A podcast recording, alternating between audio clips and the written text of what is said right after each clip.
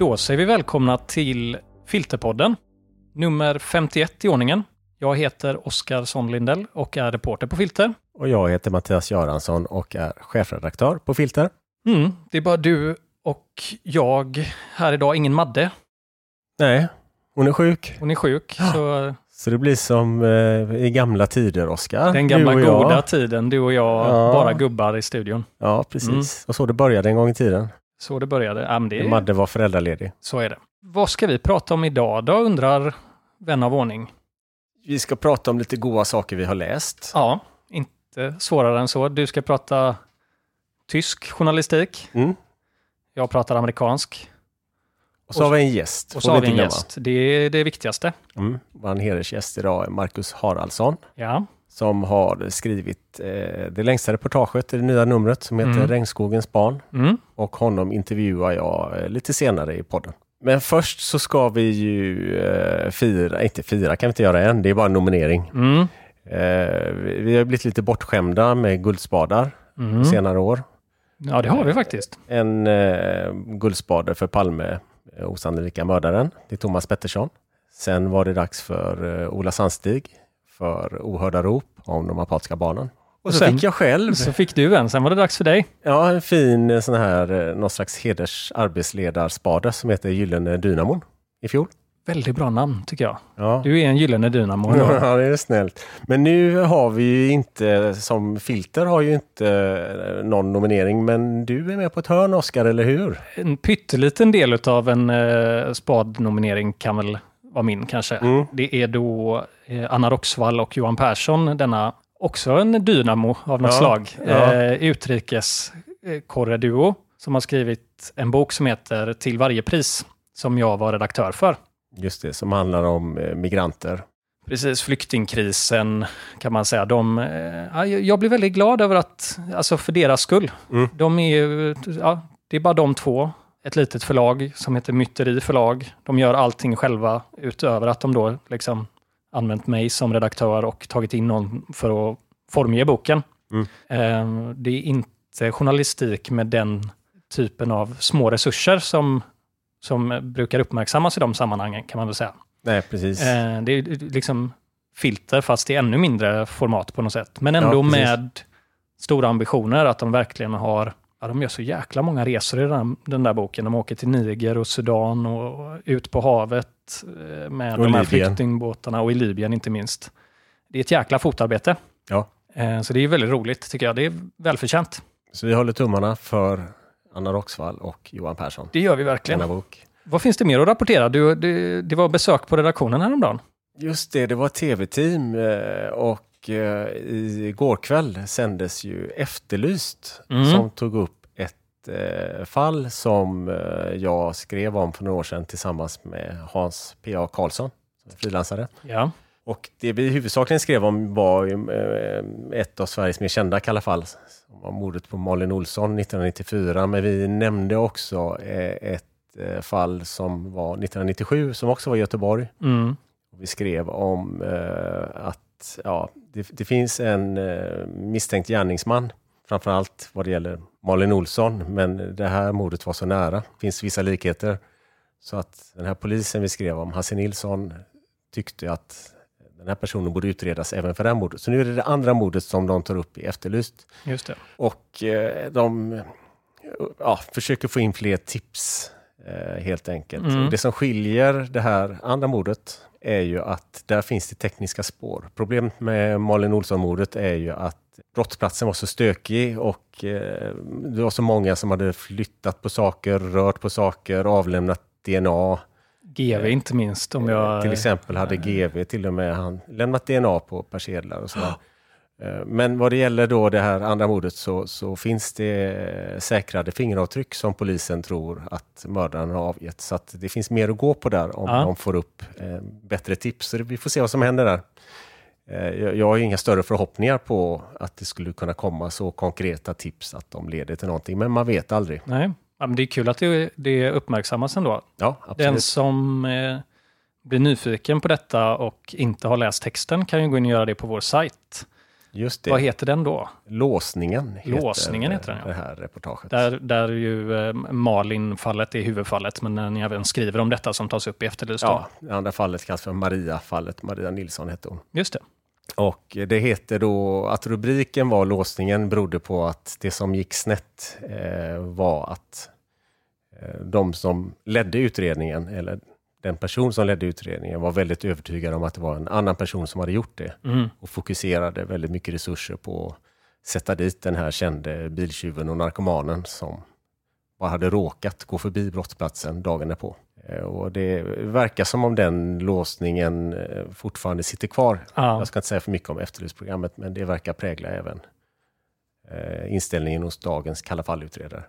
Lite deprimerande, Ja, men det- intressant. ja, men det får vi titta på. Mm. Men du Oskar, vi får inte glömma, vi har ju faktiskt sponsorer idag.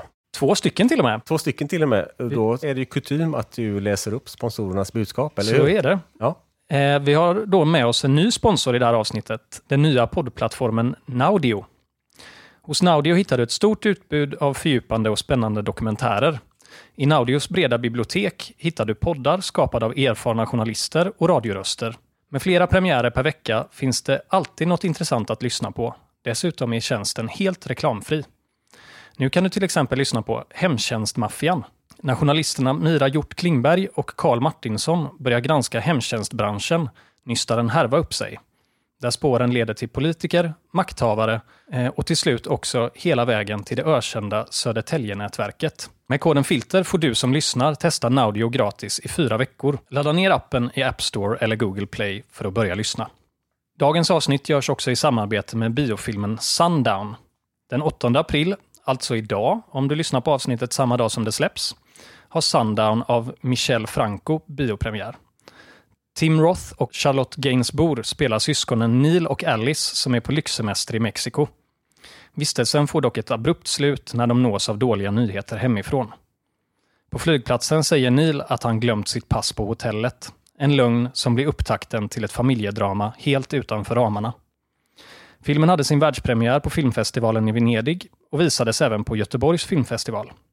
Internationell press har den fått fina recensioner. The Guardian ger den en femma i betyg och Variety skriver “No two people will see the film the same way”.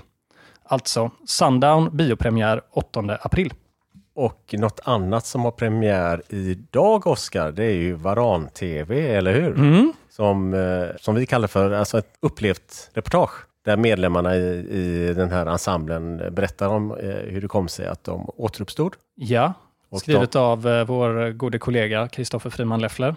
Precis. Jag jag blir väldigt glad av eh, de här varanernas återkomst, eller vad vi ska säga.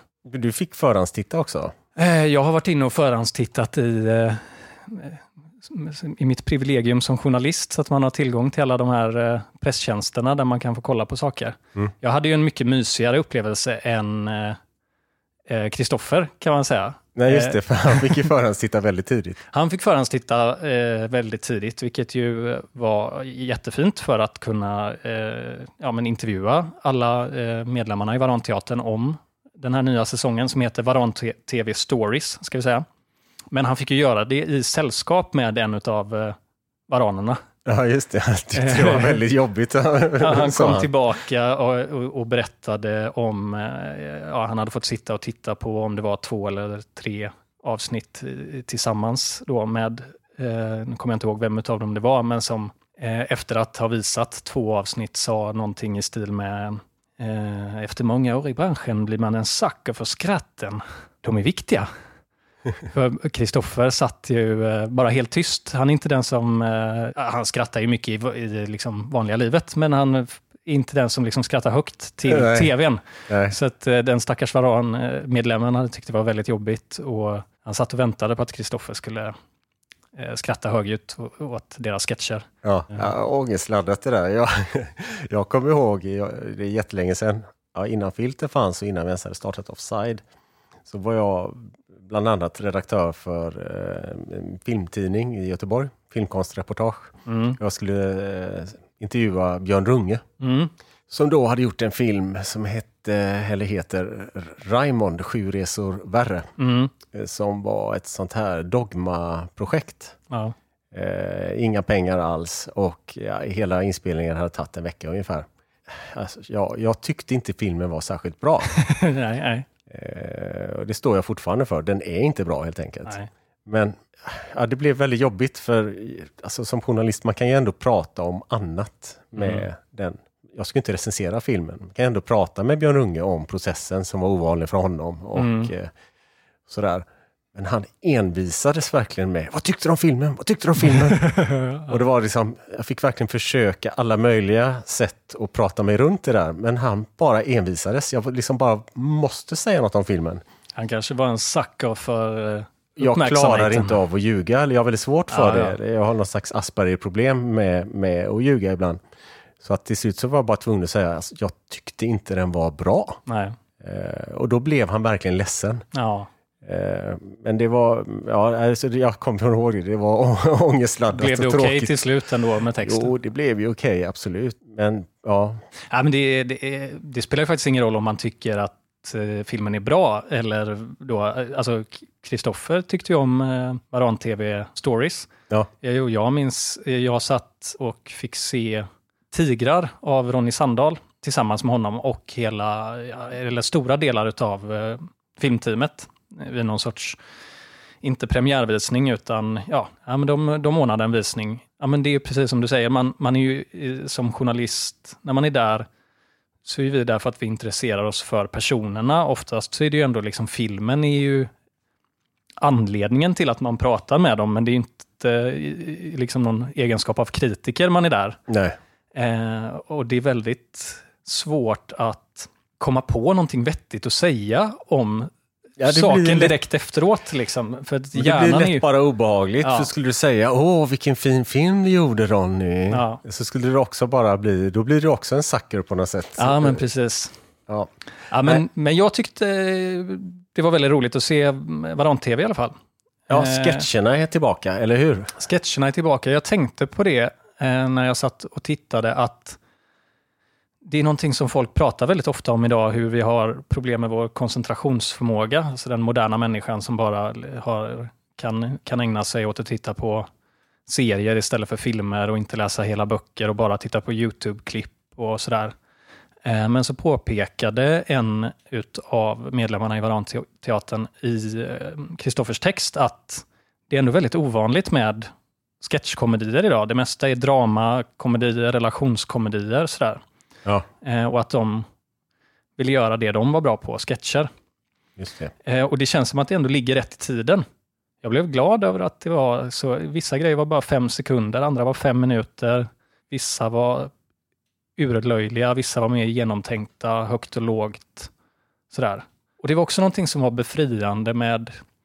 I texten så säger en av dem också att han berättar att de eh, blev inbjudna till det här satirprogrammet Svenska nyheter eh, som bad dem göra någonting till det programmet.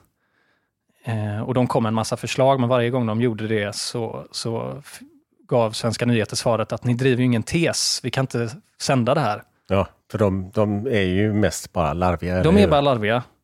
Och det är också någonting lite befriande och härligt i det, som jag bara tyckte var, var gött. Sådär. Ja. Eh, det behöver inte finnas någon jättestor satirisk tanke bakom det, utan det, kan bara få vara larvigt. Det är rätt härligt. Ja. Den som eh, vill läsa på om den nya säsongen av Varan TV, då, Varan TV Stories, kan ju göra det på sajten också. Eh, vad hände med Varanteatern del 2 tror jag den heter och Just finns att eh, läsa där. Och är man inte prenumerant så har vi ju idag ett härligt erbjudande där man får prova på att prenumerera på Filter för bara en krona de första två månaderna. Man kan eh, helt enkelt eh, testa att bli prenumerant två månader, bara en krona istället för 78.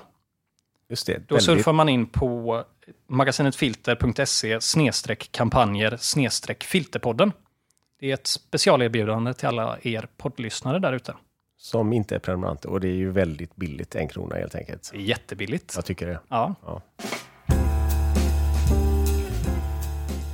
Okej Mattias, varför ville du prata tysk journalistik idag? Jag tror att väldigt många i de här tiderna lite besatta av krigsjournalistik och vad som händer i Ukraina. Och det har pågått ett tag nu och eh, man har sina dagstidningar man läser. Man har sina Eh, konton man följer. Man har sina konton man följer och så i mitt fall har jag läst de tre största svenska dagstidningarna och så börjar man tråla. Okej, jag läser The Guardian. Vad har de? Och så kanske man tittar New York Times första sida och läser någonting där. Mm. Och så märker man ganska snabbt att det är väldigt mycket samma saker som dyker upp i lite olika ordningsföljd. Men, men det är ofta väldigt snarlikt det som eh, du läser och så går det i några loopar och sen så kommer det kommentarer, kommenterande texter och de kan också vara ganska snarlika. Mm. Eh, och, eh, och då har jag upptäckt att det är väldigt skönt att läsa Der Spiegel. Det låter väldigt smalt. Jag kan ju läsa på tyska och njuter av att träna min gamla skoltyska. Men de har ju också, eh, om man går in på derspiegel.de så har de en meny till vänster som är väldigt lång. Det står en massa konstiga ord på tyska för den som inte kan tyska. Men allra längst ner nästan så står det EN som i förkortning för engelska. Ja. Trycker man där så får man deras sajt på engelska där de har valt ut några stora reportage eller eh, texter som är extra aktuella eller sådär som de översätter Mm. och som är gratis till skillnad mot eh, det mesta på tyska. Så att det är väldigt generöst av dem. Eh, Jag förstår inte hur de får det att gå ihop och varför de gör det. Jag tror inte det är altruism, men, men det funkar altruistiskt för den som sitter i det här landet och vill ha annorlunda texter. Och jag tycker också att de är tillhör de bästa man kan läsa i, Mm. Om det som händer nu i Ukraina. Vad är det som gör dem annorlunda då? Det är en sak som gör dem annorlunda är nog dels att det är ett veckomagasin, att de har lite eh, Ja, men flödet är lite annorlunda. De jobbar lite längre med de här reportagen eller intervjuerna de lägger Mm. upp. De har haft lite mer tid på sig, lite mer tid på sig att redigera. Men sen har de ju också förstås det basala, alltså resurser. Mm. De har ju resurser. Tyskland är ett stort land och det är en väldigt stor tysk tidning. Och i och med att det är i Europa så har de ju mycket mer människor eh, på plats än vad till exempel de stora amerikanska tidningarna har. Alltså de har det. gott om folk på plats både i Ukraina och i Ryssland eh, faktiskt, som gör att det är ett fotarbete som eh, lyser igenom. Det är reportrar, fotografer som är där och det är många på olika platser och eh, det, är- det, är, det är som en, en här basal hög kvalitet på det de gör. Mm.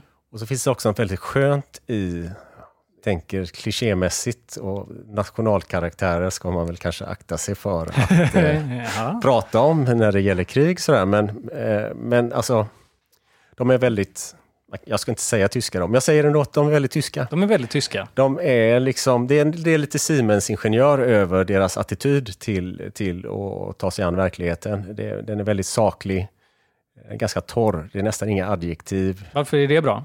Alltså adjektiv, det är li- lite så när vi redigerar filter, Mm. så försöker vi också akta oss för adjektiv, för att adjektiv tycker jag är en eh, varningssignal.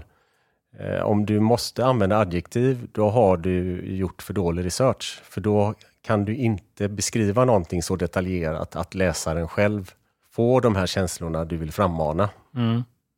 Kan, har du träffat folk, har du varit där, kan du måla upp en scen som är hemsk bara genom att beskriva den torrt, då har du gjort ditt jobb. Men måste du skriva att det är hemskt, då är det ofta en signal för att ja, men då har du inte gjort fotarbetet rätt. Nej. Eh, Så, så har, du, har du liksom tagit in scenerna och hittat rätt personer och kan måla upp den här eh, världen, så behöver du inte adjektiv. Mm. Och eh, ja, men så det, det, det, det, det, det, det är en sån torr och saklig old school eh, som eh, präglar mycket. Sen har de, går de lite andra vägar än, eh, än vad andra gör. De publicerade ett reportage alldeles före de här gräsliga rapporterna från Butja kom. Eh, och då hade de varit längre norrut i en liten stad som heter Trostanjets. Ligger längre norrut, eh, mycket närmare den eh, Ukra- eh, gränsen mellan Vitryssland och Ukraina. Mm. Och det här var den första stan som blev eh, invaderad. Eh, men den blev också befriad av olika skäl eh, före till exempel Butja. Och reportrar, Der Spiegel bevisligen, kom dit innan de kom till Butja. Och den rapporten var eh, väldigt bra, väldigt eh, intressant läsning. Eh, Så man fick ett förebud av det som man väldigt snart skulle få veta. Just Det var, det var inte lika, det var inte övergrepp riktigt på den nivån som i, i Butja, men det var samma typ av beteende Mm. som de beskrev och samma typ av, eh, man fick verkligen en känsla av att någon slags oregerligt rövarband hade varit där Mm. i tre veckor och eh, bara förstört och eh, haft ihjäl folk till höger och vänster och eh, haft otroligt, ja, jag ska inte prata sönder den texten, men det finns många bra reportage där. Ja, du nämnde när vi pratade om detta på redaktionen någon, någon intervju apropå det här med att eh, man eh, håller på och uppmärksammar idrottare från Ryssland eller folk som... Eh, Ja, just det, den har några veckor på nacken. Det var också jätteintressant. De har intervjuat en eh, rysk schackspelare. En 25-årig stormästare. mm, Eh, och det är också en bra eh, vaket av Der Spiegel. Eh, när det här med idrottsbojkott dök upp så tänker de ett varv till och inte bara vad pratar alla om utan men vilken sport är mest rysk då? ja, Alltså schack, Ja. den är så fruktansvärt dominerad av ryssar, både Mm. historiskt och, och i dagsläget. Och, eh, ja, men ordföranden i schackförbundet är naturligtvis ryss och så vidare och så vidare. Och då eh, intervjuar de en 25-årig eh, stormästare som heter Danil Dubov eh, som tillsammans med 44 eller tillsammans med 43 andra eh, ryska schackspelare hade skrivit ett öppet brev där de protesterade mot kriget. mm, Eh, Också en jätteintressant intervju faktiskt. Eh, om det ställningstagandet och, och eh, nu var han ju, eh, han fick fortsätta tävla men inte under rysk flagg. Och det pågick en diskussion om att inga ryssar skulle få tävla heller och sådär. okej. Han hade väldigt mogna och kloka synpunkter. Och det var också intressant. Och, och inte, han, är, ju- han har en konkurrent till exempel, en, som man ofta spelar mot, som heter Sergej Karjakin. Som Mm. är en annan eh, rysk schackmästare och stjärna. Som har gått helt den andra vägen och som eh, stöttar Putin och håller på med de här Z-tecknen och Mm, är mm. en riktig krigshetsare helt enkelt. Och hur blir relationen till honom och eh, vad händer när de träffas och sådär. Det Så är det- superintressant. Ja, superintressant intervju faktiskt. Det är jätteroligt att eh, någon tar initiativet. Att engelskan är ju trots allt språket som Ja. Nästan alla vi här i Sverige i alla fall behärskar. Ska vi ta del av några andra ny eh, nyheter från några andra länder så får man ju antingen ha stark skoltyska eller skolfranska eller något annat. För annars vänder man ju sig bara till New York Times, Ja. Guardian, samma källor. Ja, precis. Och då är det lätt att glömma att eh, ja, men det kanske finns tyska källor på engelska. Ja. Och det finns i alla fall den här. Kul. Ska vi bara snabbt gå över då i eh, amerikansk journalistik istället. Jag är som Ja, traditionalist då, som inte går utanför eh, ramarna, har ju eh, läst en reportagebok istället för artiklar. Som jag tipsar om i det nya numret av Filter. Som heter Smärtans imperium. Av en gammal favorit för mig kan man väl nästan säga, Patrick Radden Keefe. Jag tror att jag, det var kanske ett år sedan jag satt och tipsade om hans förra bok som hette Säg inget om eh, terrorn på Nordirland. Och nu har han då skrivit en bok om, den handlar väl inte om opioidepidemin som man brukar kalla det, men om familjen bakom den kan man säga. Just det. Och som du tar upp i ditt tips så blev det en tv-serie. Det blev en Också. tv-serie, har du sett den, Dope Sick? Nej, har jag inte. Den såg jag på Disney Plus och tyckte den var väldigt bra. Den är ju också baserad på en reportagebok med samma namn. Men den rör sig över så otroligt stor tid och rum. Den handlar om eh, den här familjen som heter Sackler då, som kom på, eh, kom på hur man gjorde, Oxycontin som ju är den här elaka smärtstillande drogen som gör folk beroende och får dem att bli missbrukare och överdosera och så vidare. Eh, Den handlar delvis om den här familjen, men också om åklagare och utredare och poliser som försöker sätta dit dem för hur de har ljugit och manipulerat. Och den handlar om, inte minst om offren och familjerna och det är så många, ja, det är så många plan. Eh, och då är den här boken av Patrick Radden Keefe skön på så vis att han har valt att nästan bara gå på och titta på vad är det här för människor som ligger bakom det. Den här familjedynastin Sackler. Det finns ju liksom en naturlig förklaring till att de inte har varit så väldigt förekommande i rapporteringen kring Oxycontin tidigare, för de har varit väldigt duktiga på att hemlighålla sitt ägande av eh, det här företaget som ju heter Purdue Pharma. Det känner vi nästan alla till idag, men det var ingen som hade koll på hur de hängde samman. De var väldigt duktiga på att kväsa journalistiska eh, försök att granska dem långt innan publicering. Men han, det är spännande att han är väldigt tydlig med att han inte försöker skriva en heltäckande bok om den här epidemin som andra har försökt göra, utan den tittar bara på den här dynastin då, som han kallade för, eh, familjedynastin Sackler, som bara har setts då som någon sorts mytisk, mystisk filantropisläkt. De har ju eh, de har plaketter, eller haft plaketter i nästan alla fina museer i hela världen för att de har donerat så mycket pengar till Louvren och, och så vidare. Och så vidare. Och ja, jag kommer att tänka på, alltså det finns ju någon diskussion kring hur man ska skriva kring förövare och ondingarna i, ja. i böcker och hur man ska skildra dem i tv-serier och så vidare. Att, ja, folk klagar ju ofta på att vi har fått en överdos av det där inside the mind of a serial killer och så fort det begås något dåd så vill ju alla ta reda på vilka bevekelsegrunder en person har haft för att begå någonting och så vidare. I det här fallet så är det ju mer än berättigat att faktiskt titta närmare på de här människorna för att det är ju inte bara en galen panna med galna idéer utan det är ju tre generationer i en och samma familj mer eller mindre som bär på en väldigt fascinerande historia också.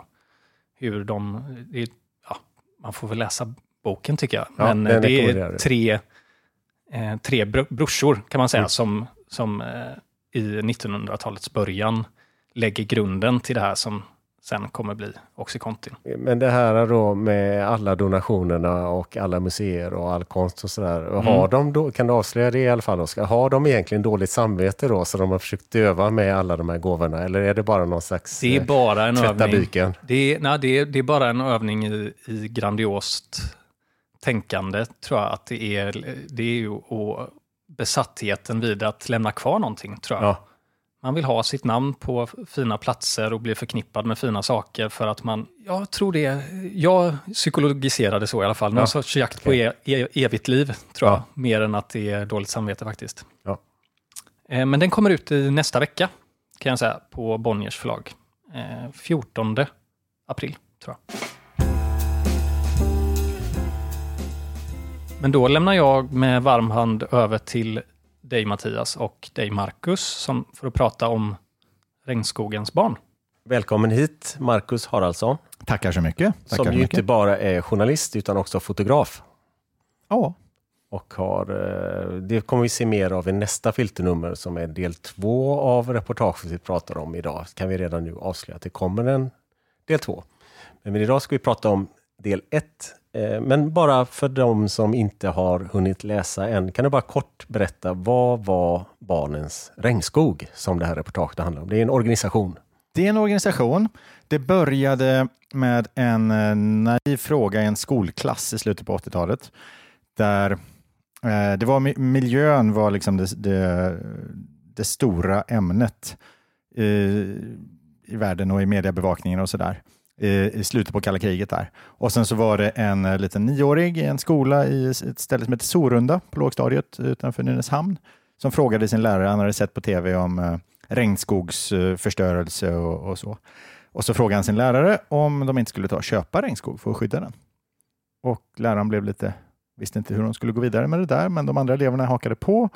Och sen så ledde det ena till det andra och det slutade med en global kampanj som gick över hela världen och som organiserade hundratusentals ungar, samlade in tiotals miljoner kronor och skyddade ett, ett ganska rejält stort område skog i Costa Rica och på en fem andra platser runt om i världen.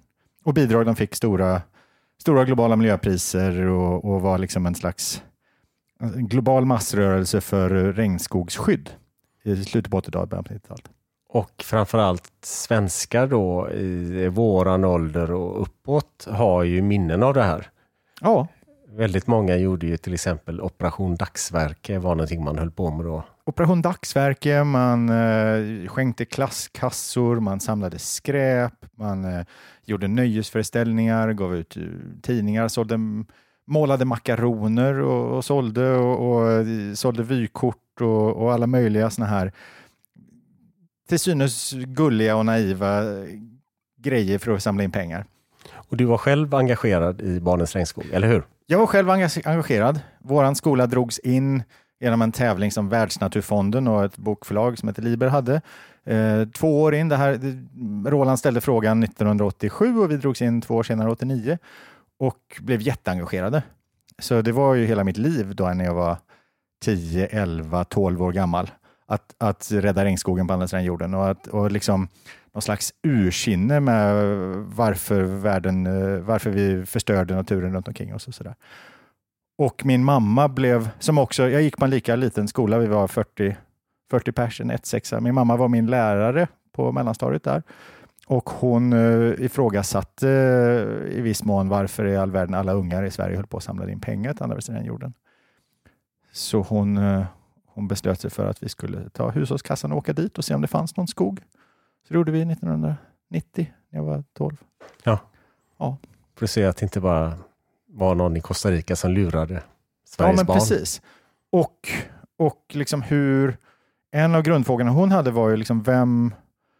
Är det inte någon som äger den här skogen? Finns det inte någon som bor där? Är det liksom, hur kan de här svenska barnen, är det här bra? Liksom, gör, vi något, gör vi någon nytta? Mm. Eller är det bara någon slags eh, märklig eh, kolonialgrej som, som träffar fel. Ja. Men det här med din, din engagerade och kritiska mamma, eh, eh, det, det, var ju det här som gjorde att du blev journalist en gång i tiden, eller hur? Ja. Eh, ditt sätt att samla in pengar var ju att du drev tidning. Ja, det var, ja precis. Jag var inspirerad av, av min pappa. Han gav ut en, eller ger fortfarande ut en, en miljötidning uppe i Dalsland och vi var tre stycken kompisar, Erik och Daniel och jag och så blev vi lite större gäng eh, som gjorde en miljötidning om eh, miljö... Först började det med miljöproblemen. Det var det den här eh, tävlingen som vi drogs in i Barents Engelska handlade om. Att eh, beskriva miljöproblemen i Bengt, Bengtsfors kommun uppe i Dalsland. Och sen så breddade vi det där väldigt och började skriva om, alla, om olja och om eh, vulkaner och, och alla möjliga olika grejer och gav ut ganska ambitiös ändå för att vara en mellanstadietidning. Och jag hade drömt om att bli biolog innan dess, men sen så såg jag vad det här att göra tidning och att så sålde vi den. Vi, vi knackade dörr och sålde den för 10 kronor styck och så fick, blev det en massa intressanta diskussioner och insändare och miljöministern kom och hälsade på och sånt där. Och då blev jag inspirerad att, att skriva. Så från 11 års ålder något sånt så, jag, så skulle jag bli journalist. Mm. Det var, det var liksom hela, hela planen. En kul detalj tycker jag är du, du är lite, jag vet inte, kanske inte självkritisk eller självironisk, men du, du påpekar också när du skriver om det här att eh, ni var nog lillgamla och lite jobbiga. Du tar upp den här eh, eh, vad ni uppmanade era läsare att göra själva. Det är en lång lista där.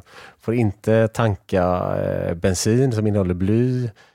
Eh, ska dra ner värmen inomhus på vintern. Eh, Fortsätt berätta allt som ni ja, uppmanade de dumma vuxna att göra. inte bada, återvinna grejer, vilka, ja, men all, alla såna återvinning, dra ner på energikostnader och, eh, inte en, att inte dricka ur pet, inte köpa petflaskor var väldigt eh, viktigt att, be, och att fråga i affären så att de hade klorblekt, eh, inte klorblekt papper och eh, freonfria sprayburkar och, och det var men det var massor av, det kom var en hel våg av, av böcker i hur man själv skulle kunna göra världen bättre. Och, och det, det, det var en del av en rörelse där som känns som var både politisk och, och personligt och ner och, och, som, som var verkligen att konsumenten har en roll. Och där var mm. ju det var jag och mina kompisar ganska odrägliga.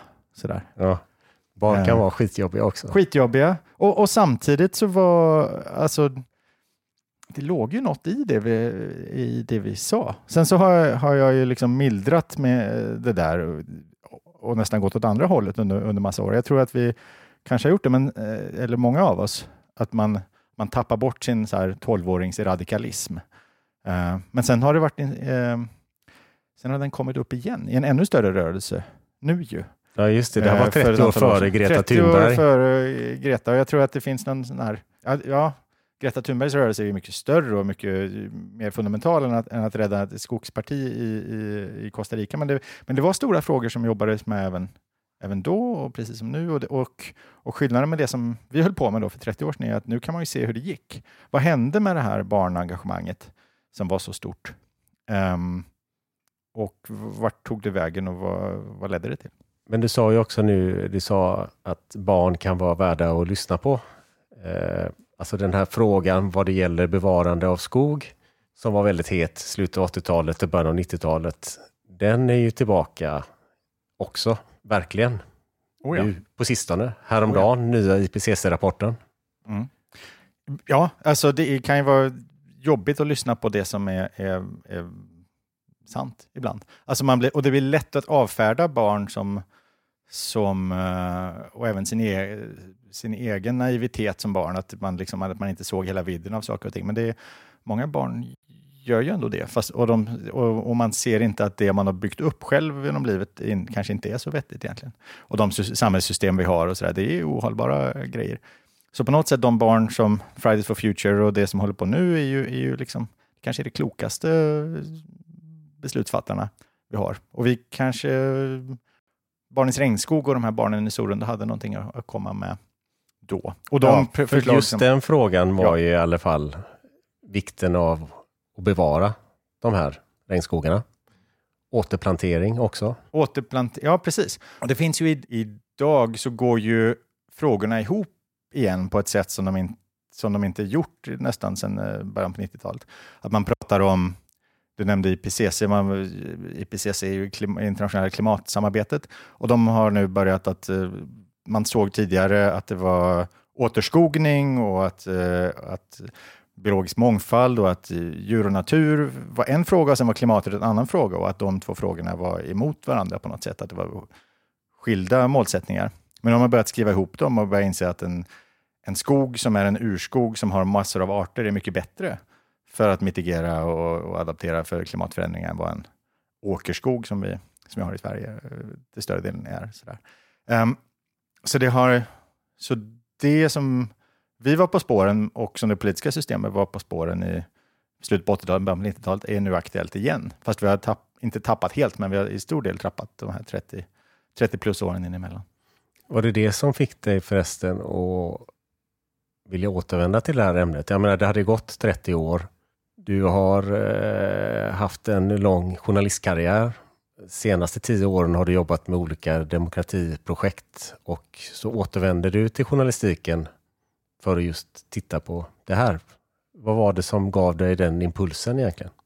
En rad olika saker, men, men, men eh, det här har legat med mig. Jag, jag besökte ju Costa Rica när jag var 12-åring och träffade chefen där. Och så satt vi ner och, eh, och han eh, tyckte att vi, det var ju intressant att titta på det då, 1990, men framför allt så, så det gick ju liksom inte att utvärdera projektet förrän en generation eller ett par senare och se om det här har lyckats. Man kunde ju ta reda på om den hade sågats ner skogen eh, snabbt efteråt, men om den hade räddats, det, det skulle ta lång tid att ta reda på. Och sen har det där legat, legat med mig som en av, en av såna här historier som jag skulle vilja, vilja berätta. Och jag har i flera projekt i journalistiken så här, återvänt till saker och platser och gjort, gjort om resor eh, och träffat människor igen efter ett antal år och så där på olika platser i världen. Och det här känns som en av, att gräva där man står, det här, nu gräver jag ner mig i, i min egen och andras, eh, hundratusentals andras historia när, man, när vi var 10-12 år. Um, och se vad som, vad som har hänt med det där. Och, och väcka mig själv kanske lite grann. Jag har levt någon slags här avslumrande um, miljöliv där jag tyckte att jag var, att jag var lite naiv. Men nu när man, när man ser samma förslag som vi hade då för 30 år sedan av IPCC och av FN och av liksom att men, vi måste skydda mellan 30 och 50 procent av skogarna. Eh, punkt. Och vi måste göra det på olika sätt. Vi måste samla in eh, pengar, vi måste hjälpa länder, vi måste komma eh, hitta ägarsystem som fungerar. Vi måste, hitta, vi måste räkna ut hur man kan tjäna pengar på träd som inte huggs ner utan som står kvar? Det är en fundamental fråga. Hur kan vi tjäna pengar på en, på en miljö som, som inte huggs ner? Och, det, och där har ju Costa Rica under de här, det är massa olika paralleller, men Costa Rica har ju i princip sprungit ifrån resten av världen, inklusive Sverige. Vi trodde att vi kunde hjälpa, hjälpa dem på 80-talet om det är någon som ska lära någon hur man äh, agerar med skogsskydd och, och miljöskydd och så, så är, det ju, så är det det costaricanska exemplet som alla tittar på nu.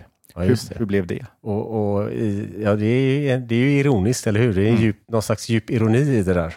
Ja, ja vi, vi tror gärna att vi har lösningarna på, på allting här i, här i Sverige och vi har, vi, har gjort bra, fast vi har ju, det, det, är många saker som vi, som vi inte är barnsliga nog att vilja se riktigt. Mm.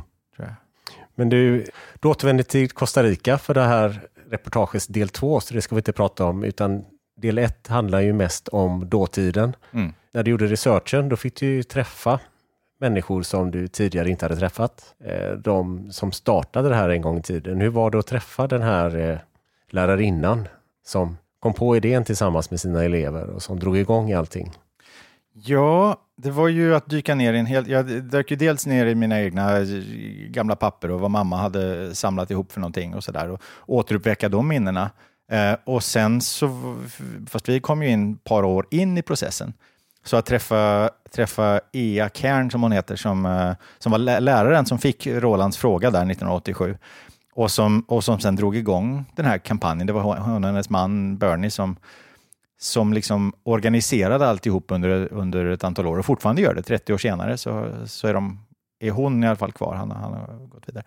Men um, det, det, var som att träffa en... Hästprojekt förstår man när man läser texten. Och det var hela deras liv. Ja. Det var liksom, eh, och de tog barnen på... Hon tycker inte om att, att liksom bli sagd det om sig, men hon tog barnen på allvar. Och, och, de tog och de gjorde barnens projekt i sitt projekt och tyckte att men det, det ligger nog någonting i det här. Och, så fick de, och sen så genom massa flax och egna initiativ så fick de ju väldigt bra kontakter också. Och den här historien och, och den den träffade precis rätt i tiden så att det fanns ett sug efter bra historier med barn som, som räddade regnskogen. Um, så det blev en tajmad, eh, liksom, uh, perfekt liten storm där under ett antal år. Uh, Just det, du skriver att de och, och, var med i tv, det här Barnjournalen. Det är svårt att fatta idag vilket genomslag det programmet det hade över hälften av Sveriges ungar som såg det där och de hade uppdateringar varje vecka ja. eh, om hur, många, hur, mycket pengar som samlades in till Barnens regnskog. Det var på mjölkpaketen, det var på kaffefiltren, det var ehm, i Bodyshop. Bodyshop var, var, sponsor. De tackade nej till att få McDonalds som sponsor. Um, det, var, ja, men det var The Grateful Dead hade en konsert i Madison Square Garden där de skänkte pengar. Ja. det, var inte, det, var, det var inte tack vare barnen i Sorunda, men det var ändå det var en sån här en, en, en, stor global kampanj som de tappade in i. Mm. Och, och det här samlade, framförallt Bernie då, men också er, de samlade ju in alla, alla brev som de skickade fram och tillbaka till, eh, till alla. De skrev tusentals svar, de fick eh, hundratals brev varje vecka. Under det var över 4 000 svenska skolor. Över 4 000 svenska skolor var engagerade. Som deltog. Och och det blev mycket brev. De skrev brev hela nätterna, och de skrev eh, intyg till barnen, de skrev tusentals intyg eh, på certifikat på att de hade köpt regnskog och så. Och alla de här breven finns sparade då. Eh, jag har över 20 permar som jag har fått, fått låna av EA. Och att gå, gå ner som är sorterade upp på, på bokstäver på efternamnen på folk som är, men det gör det spännande att, att sortera upp och läsa och, och få, och få ordning på det där och kunna berätta. Det känns som, nästan som en liten nationalklenod att, att liksom breven från, från, från kungen och från statsministern och från Ingvar Kamprad och, ja, och, och från alla skolor och från fängelser och från allt, allt jag som... Jag är väldigt eh, förtjust i brevet från Kamprad alltså. Mm. Det... de, fick vant, de fick vantarna på, på, eller DN publicerade en lista över Sveriges rikaste människor och barnen som var barn, de tyckte att vi, vi skrivit allihopa. Ja. Så gjorde de, så fick de svar från, från, från många av dem. Och så, och så tänkte de att kungen, han var inte med på listan, men honom skriver vi till ändå. Och statsministern skriver till och, och presidenten i Costa Rica blev inbjuden till, till Lucia-firandet. Ja, han skickade sin första, första sekreterare och sen, sen bjöd han in dem till Costa Rica ett par år senare. Och, ja. Så det, det, blev liksom en sån här naiva barndrömmar som blev verklighet. Ja. Men Kampra då, det, det, Sveriges rikaste man, han svarar ju att han, ja, han tackar för brevet och eh, det verkar vara vettig fråga de driver och så säger han ju att han, eh, har inte, han bor i Schweiz så de har skickat brevet till Schweiz. Och där har han ju inte tillgång till så mycket svenska pengar tyvärr. Men han eh, ser sig omkring och ser vad han har för svenska sedlar att tillgå och så har, hittar han 70 kronor, en femtiolapp och en 20. som man lägger i det här kuvertet och skickar till Sorunda. Så han, barnen gick inte lottlösa från Ingvar Kamprad? Utan Nej, han, det gjorde de inte. Han gav dem lite pengar där. Och Antonia Axson Jonsson skickade pengar. Ja, skickade, Lite ja, mer. Ja, 400 kronor skickade hon. Så att, eh, och sen så fick de ju inte bara pengar utan de fick ju inbjudningar och de, kungen kom sen och hälsade på. Skolan höll på att läggas ner. Ehm, när kungen och drottningen hade kommit och, och hälsat på dem med specialbesök så, så var inte skolan nedläggningshotad längre utan då gick politikerna med på att ha, ha den här landsbygdsskolan kvar. Så så det, är en, det är en slags saga där i början. Mm. Och sen så efter några år så blir det ju blir en, en, en verklighet av det.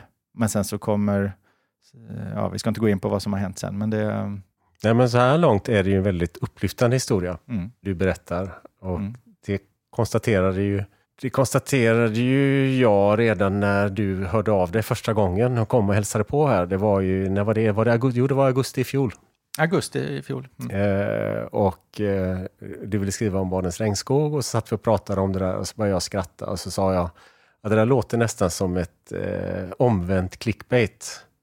Eh, Hundratusentals svenska skolbarn samlar in pengar för att rädda regnskog på andra sidan jordklotet. Du kan inte ana vad som hände sen. Och då tror man att det ska vara världens mörkaste och hemskaste historia, att eh, någon har lurat barnen. Mm. Men svaret är, det funkade. Det funkade. Det Typ. finns, eh, och det funkade tack vare att barnen kom in i, pengarna kom in i ett akut skede. Sen har det hänt mycket, som jag nämnde, i, på den costaricanska sidan, alltså att, att det krävs policy, så det krävs politiker och det krävs eh, stöd och det krävs, det krävs att någon vuxen människa är lika naiv, som, är lika naiv och, och tror på att det går att eh, göra något som, som barnen. Mm. Och det är ju, i just Costa Ricas fall så har, har det hänt grejer där. Och det, det kan vi ju säga förresten att du ska ju också skriva en bok om det här. Eh, Du håller på att skriva en bok Jag om håller det på att skriva en bok. för Som vi kommer Yes. ge ut före jul i alla fall. Precis. Eh, Och du efterlyser ju, vi har en liten ruta i reportaget Mm. eh, där du efterlyser anekdoter eller berättelser eller du vet ju inte riktigt vad det finns där ute men, men jag, vi kan ju säga det till poddlyssnarna med om, om du som lyssnar på det här, om du var engagerad i Barnens regnskog när du var liten och eh, har en berättelse eller ett minne som du eh, vill dela med dig av så finns det ju en mejladress man kan mejla till så man når dig. Mm. Berätta! Regnskogen at offsidepress.se. Och, och det är anekdoter, minnen och, och perspektiv. Alltså försöker att belysa det här från så brett som möjligt och att få, få, få reda på vad det, vad det här har lett till. Eh, Men jag, kan, jag tänker mig att filterläsarna har, har fler perspektiv och fler erfarenheter än vad, än vad du och jag har. Och som sagt, boken kommer du hålla på med eh, in på hösten In på hösten. Jajamän. Det är nästan ett halvår nu som jag har på mig. Och den kommer innehålla mycket mer än de här eh, reportagen förstås. Det, det sätter ju de här barnen i ett bredare skogsperspektiv, både i, både i Costa Rica och i, och i Sverige. Fast försöka vara, vara, vara just, just deras insamling och, och, och, och min egen och, eh, och skogen i Costa Rica trogen, men det, det, det blandar in så, så många olika spännande perspektiv i hur vi kan rädda, rädda det som finns kvar av, av naturen på planeten. Nu ska vi inte sänka humöret efter att ha konstaterat att det här är en i grunden positiv historia, men i en bok finns ju också plats för att berätta en del inte så positiva saker. Det finns ju en del komplikationer under resans gång. Sådär. ungarna sprang ju in i en, och inte bara, ja men, alltså att skänka tiotals miljoner kronor till en eh, fattig ände en, av en fattigt land eh, skapade, med en kolonial historia, skapade eh, massor av eh, komplikationer på plats, såklart. Och även i, eh, och även i Sverige. Och även i, men, men, men de här, om man tittar på andra sidan berget i, i, i Costa Rica, så blev det så var det inte okontroversiellt när det kom en ny eh, stor utländsk investerare som, i form av då, eh, svenska utländska ungar, men ändå, ändå eh, ja, det, det, blev, eh, det blev bökigare än vad, man, än vad det verkade från första början. Något som eh, gjorde mig lite deprimerad, det var ju de här eh, lurendrejerna som dök upp också. Andra som började samla in pengar till regnskogen, men som hade helt andra syften. De ville bara berika sig själva. Ja, ja, ja visst. Massor av, eh, av det, blev, fanns pengar att, att göra, både, både här och i Costa Rica. Och eh, det visar sig vara människor och verkliga strukturer på alla möjliga ställen. Och, eh, Så det, är en, det tycker jag är intressant att, att få med eh, svärtan i det hela också och verkligheten i det. Och, om man då ska, och sen hur man väljer att skaka på, på det om man, om man ser det som att det, det är lätt att gå vilse i det. Och som du sa med den här eh, clickbait-historien, att nu ska vi se hur de här ungarna har lurats eller så. Eh, men sen, och kanske om, man, eh, om Expressen hade gjort ett, eller någon valfri kvällstidning hade gjort reportage 92 så hade det varit en annan historia än, än vad jag gör nu då, 30 år senare. Ja, jag tycker det är, intressant att, liksom, att, kunna, att kunna se på någonting 30 år senare. Mm. Det är väldigt... Eh, det, det, Jim Crisp som vi träffade i Costa Rica där, jag och min mamma 1990, han som sa att de, eh, det, det kommer ta någon generation eller, eller ett par innan de kan säga om vi, om vi har lyckats med det här. Och det känns som om, vi kan inte riktigt säga att de har lyckats, men vi, vi kan börja nosa på ett svar i alla fall 30 år senare. Mm. Och det kanske, nu är det dags, nu, nu lever liksom de som var med och, och folk sitter fortfarande på kontoret och sådär. Om man ska vänta ett par generationer till, då får det vara någon annan som berättar historien. Så Ja, just det. det, det är nu Ja. den kan Ja, berättas. det är nu vi kan berättas. Av dig i alla fall. Ja. Men detta som sagt får ni ju läsa mer om i eh, både det nummer som ligger ute nu eller som ligger hemma hos er lyssnare nu och även i nästa filternummer. Och tack så mycket Marcus Tack Mattias, för att du eh, tog dig till Göteborg för att vara med i podden. så trevligt. För dig som är sugen på att läsa Regnskogens barn efter att ha hört det här samtalet så kan man ju då surfa in på magasinetfilter.se för att läsa det reportaget. Och är man inte prenumerant så vill vi återigen påminna om att vi har en väldigt härlig kampanj För alla poddlyssnare för alla poddlyssnare. ännu inte har börjat prenumerera, Mm. konstigt nog. En krona för två månader istället för 78. Och då går man alltså in på magasinetfilter.se kampanjer filterpodden.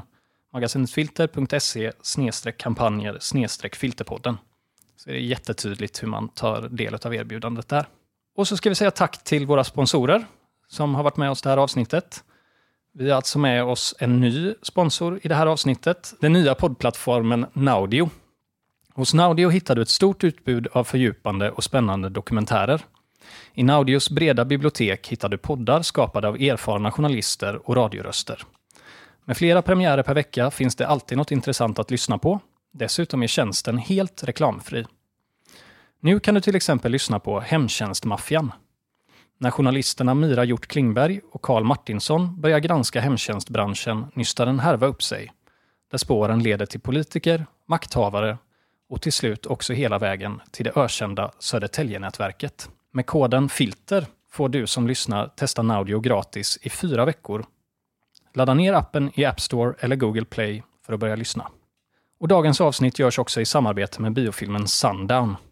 Den 8 april, alltså idag, om du lyssnar på avsnittet samma dag som det släpps, har Sundown av Michel Franco biopremiär. Tim Roth och Charlotte Gainsbourg spelar syskonen Neil och Alice som är på lyxsemester i Mexiko. Vistelsen får dock ett abrupt slut när de nås av dåliga nyheter hemifrån. På flygplatsen säger Neil att han glömt sitt pass på hotellet. En lögn som blir upptakten till ett familjedrama helt utanför ramarna. Filmen hade sin världspremiär på filmfestivalen i Venedig och visades även på Göteborgs filmfestival. Internationell press har den fått fina recensioner. The Guardian ger den en femma i betyg och Variety skriver “No two people will see the film the same way”. Alltså Sundown biopremiär den 8 april. Och nu måste både du och jag vila våra röster, eller hur? Ja, jag tror det. Ja, och ni får Jäklar vad vila, jag har tjötat. Ja, ni får vila era öron. Vi hörs igen om två veckor. Det gör vi. Hej då! Hej!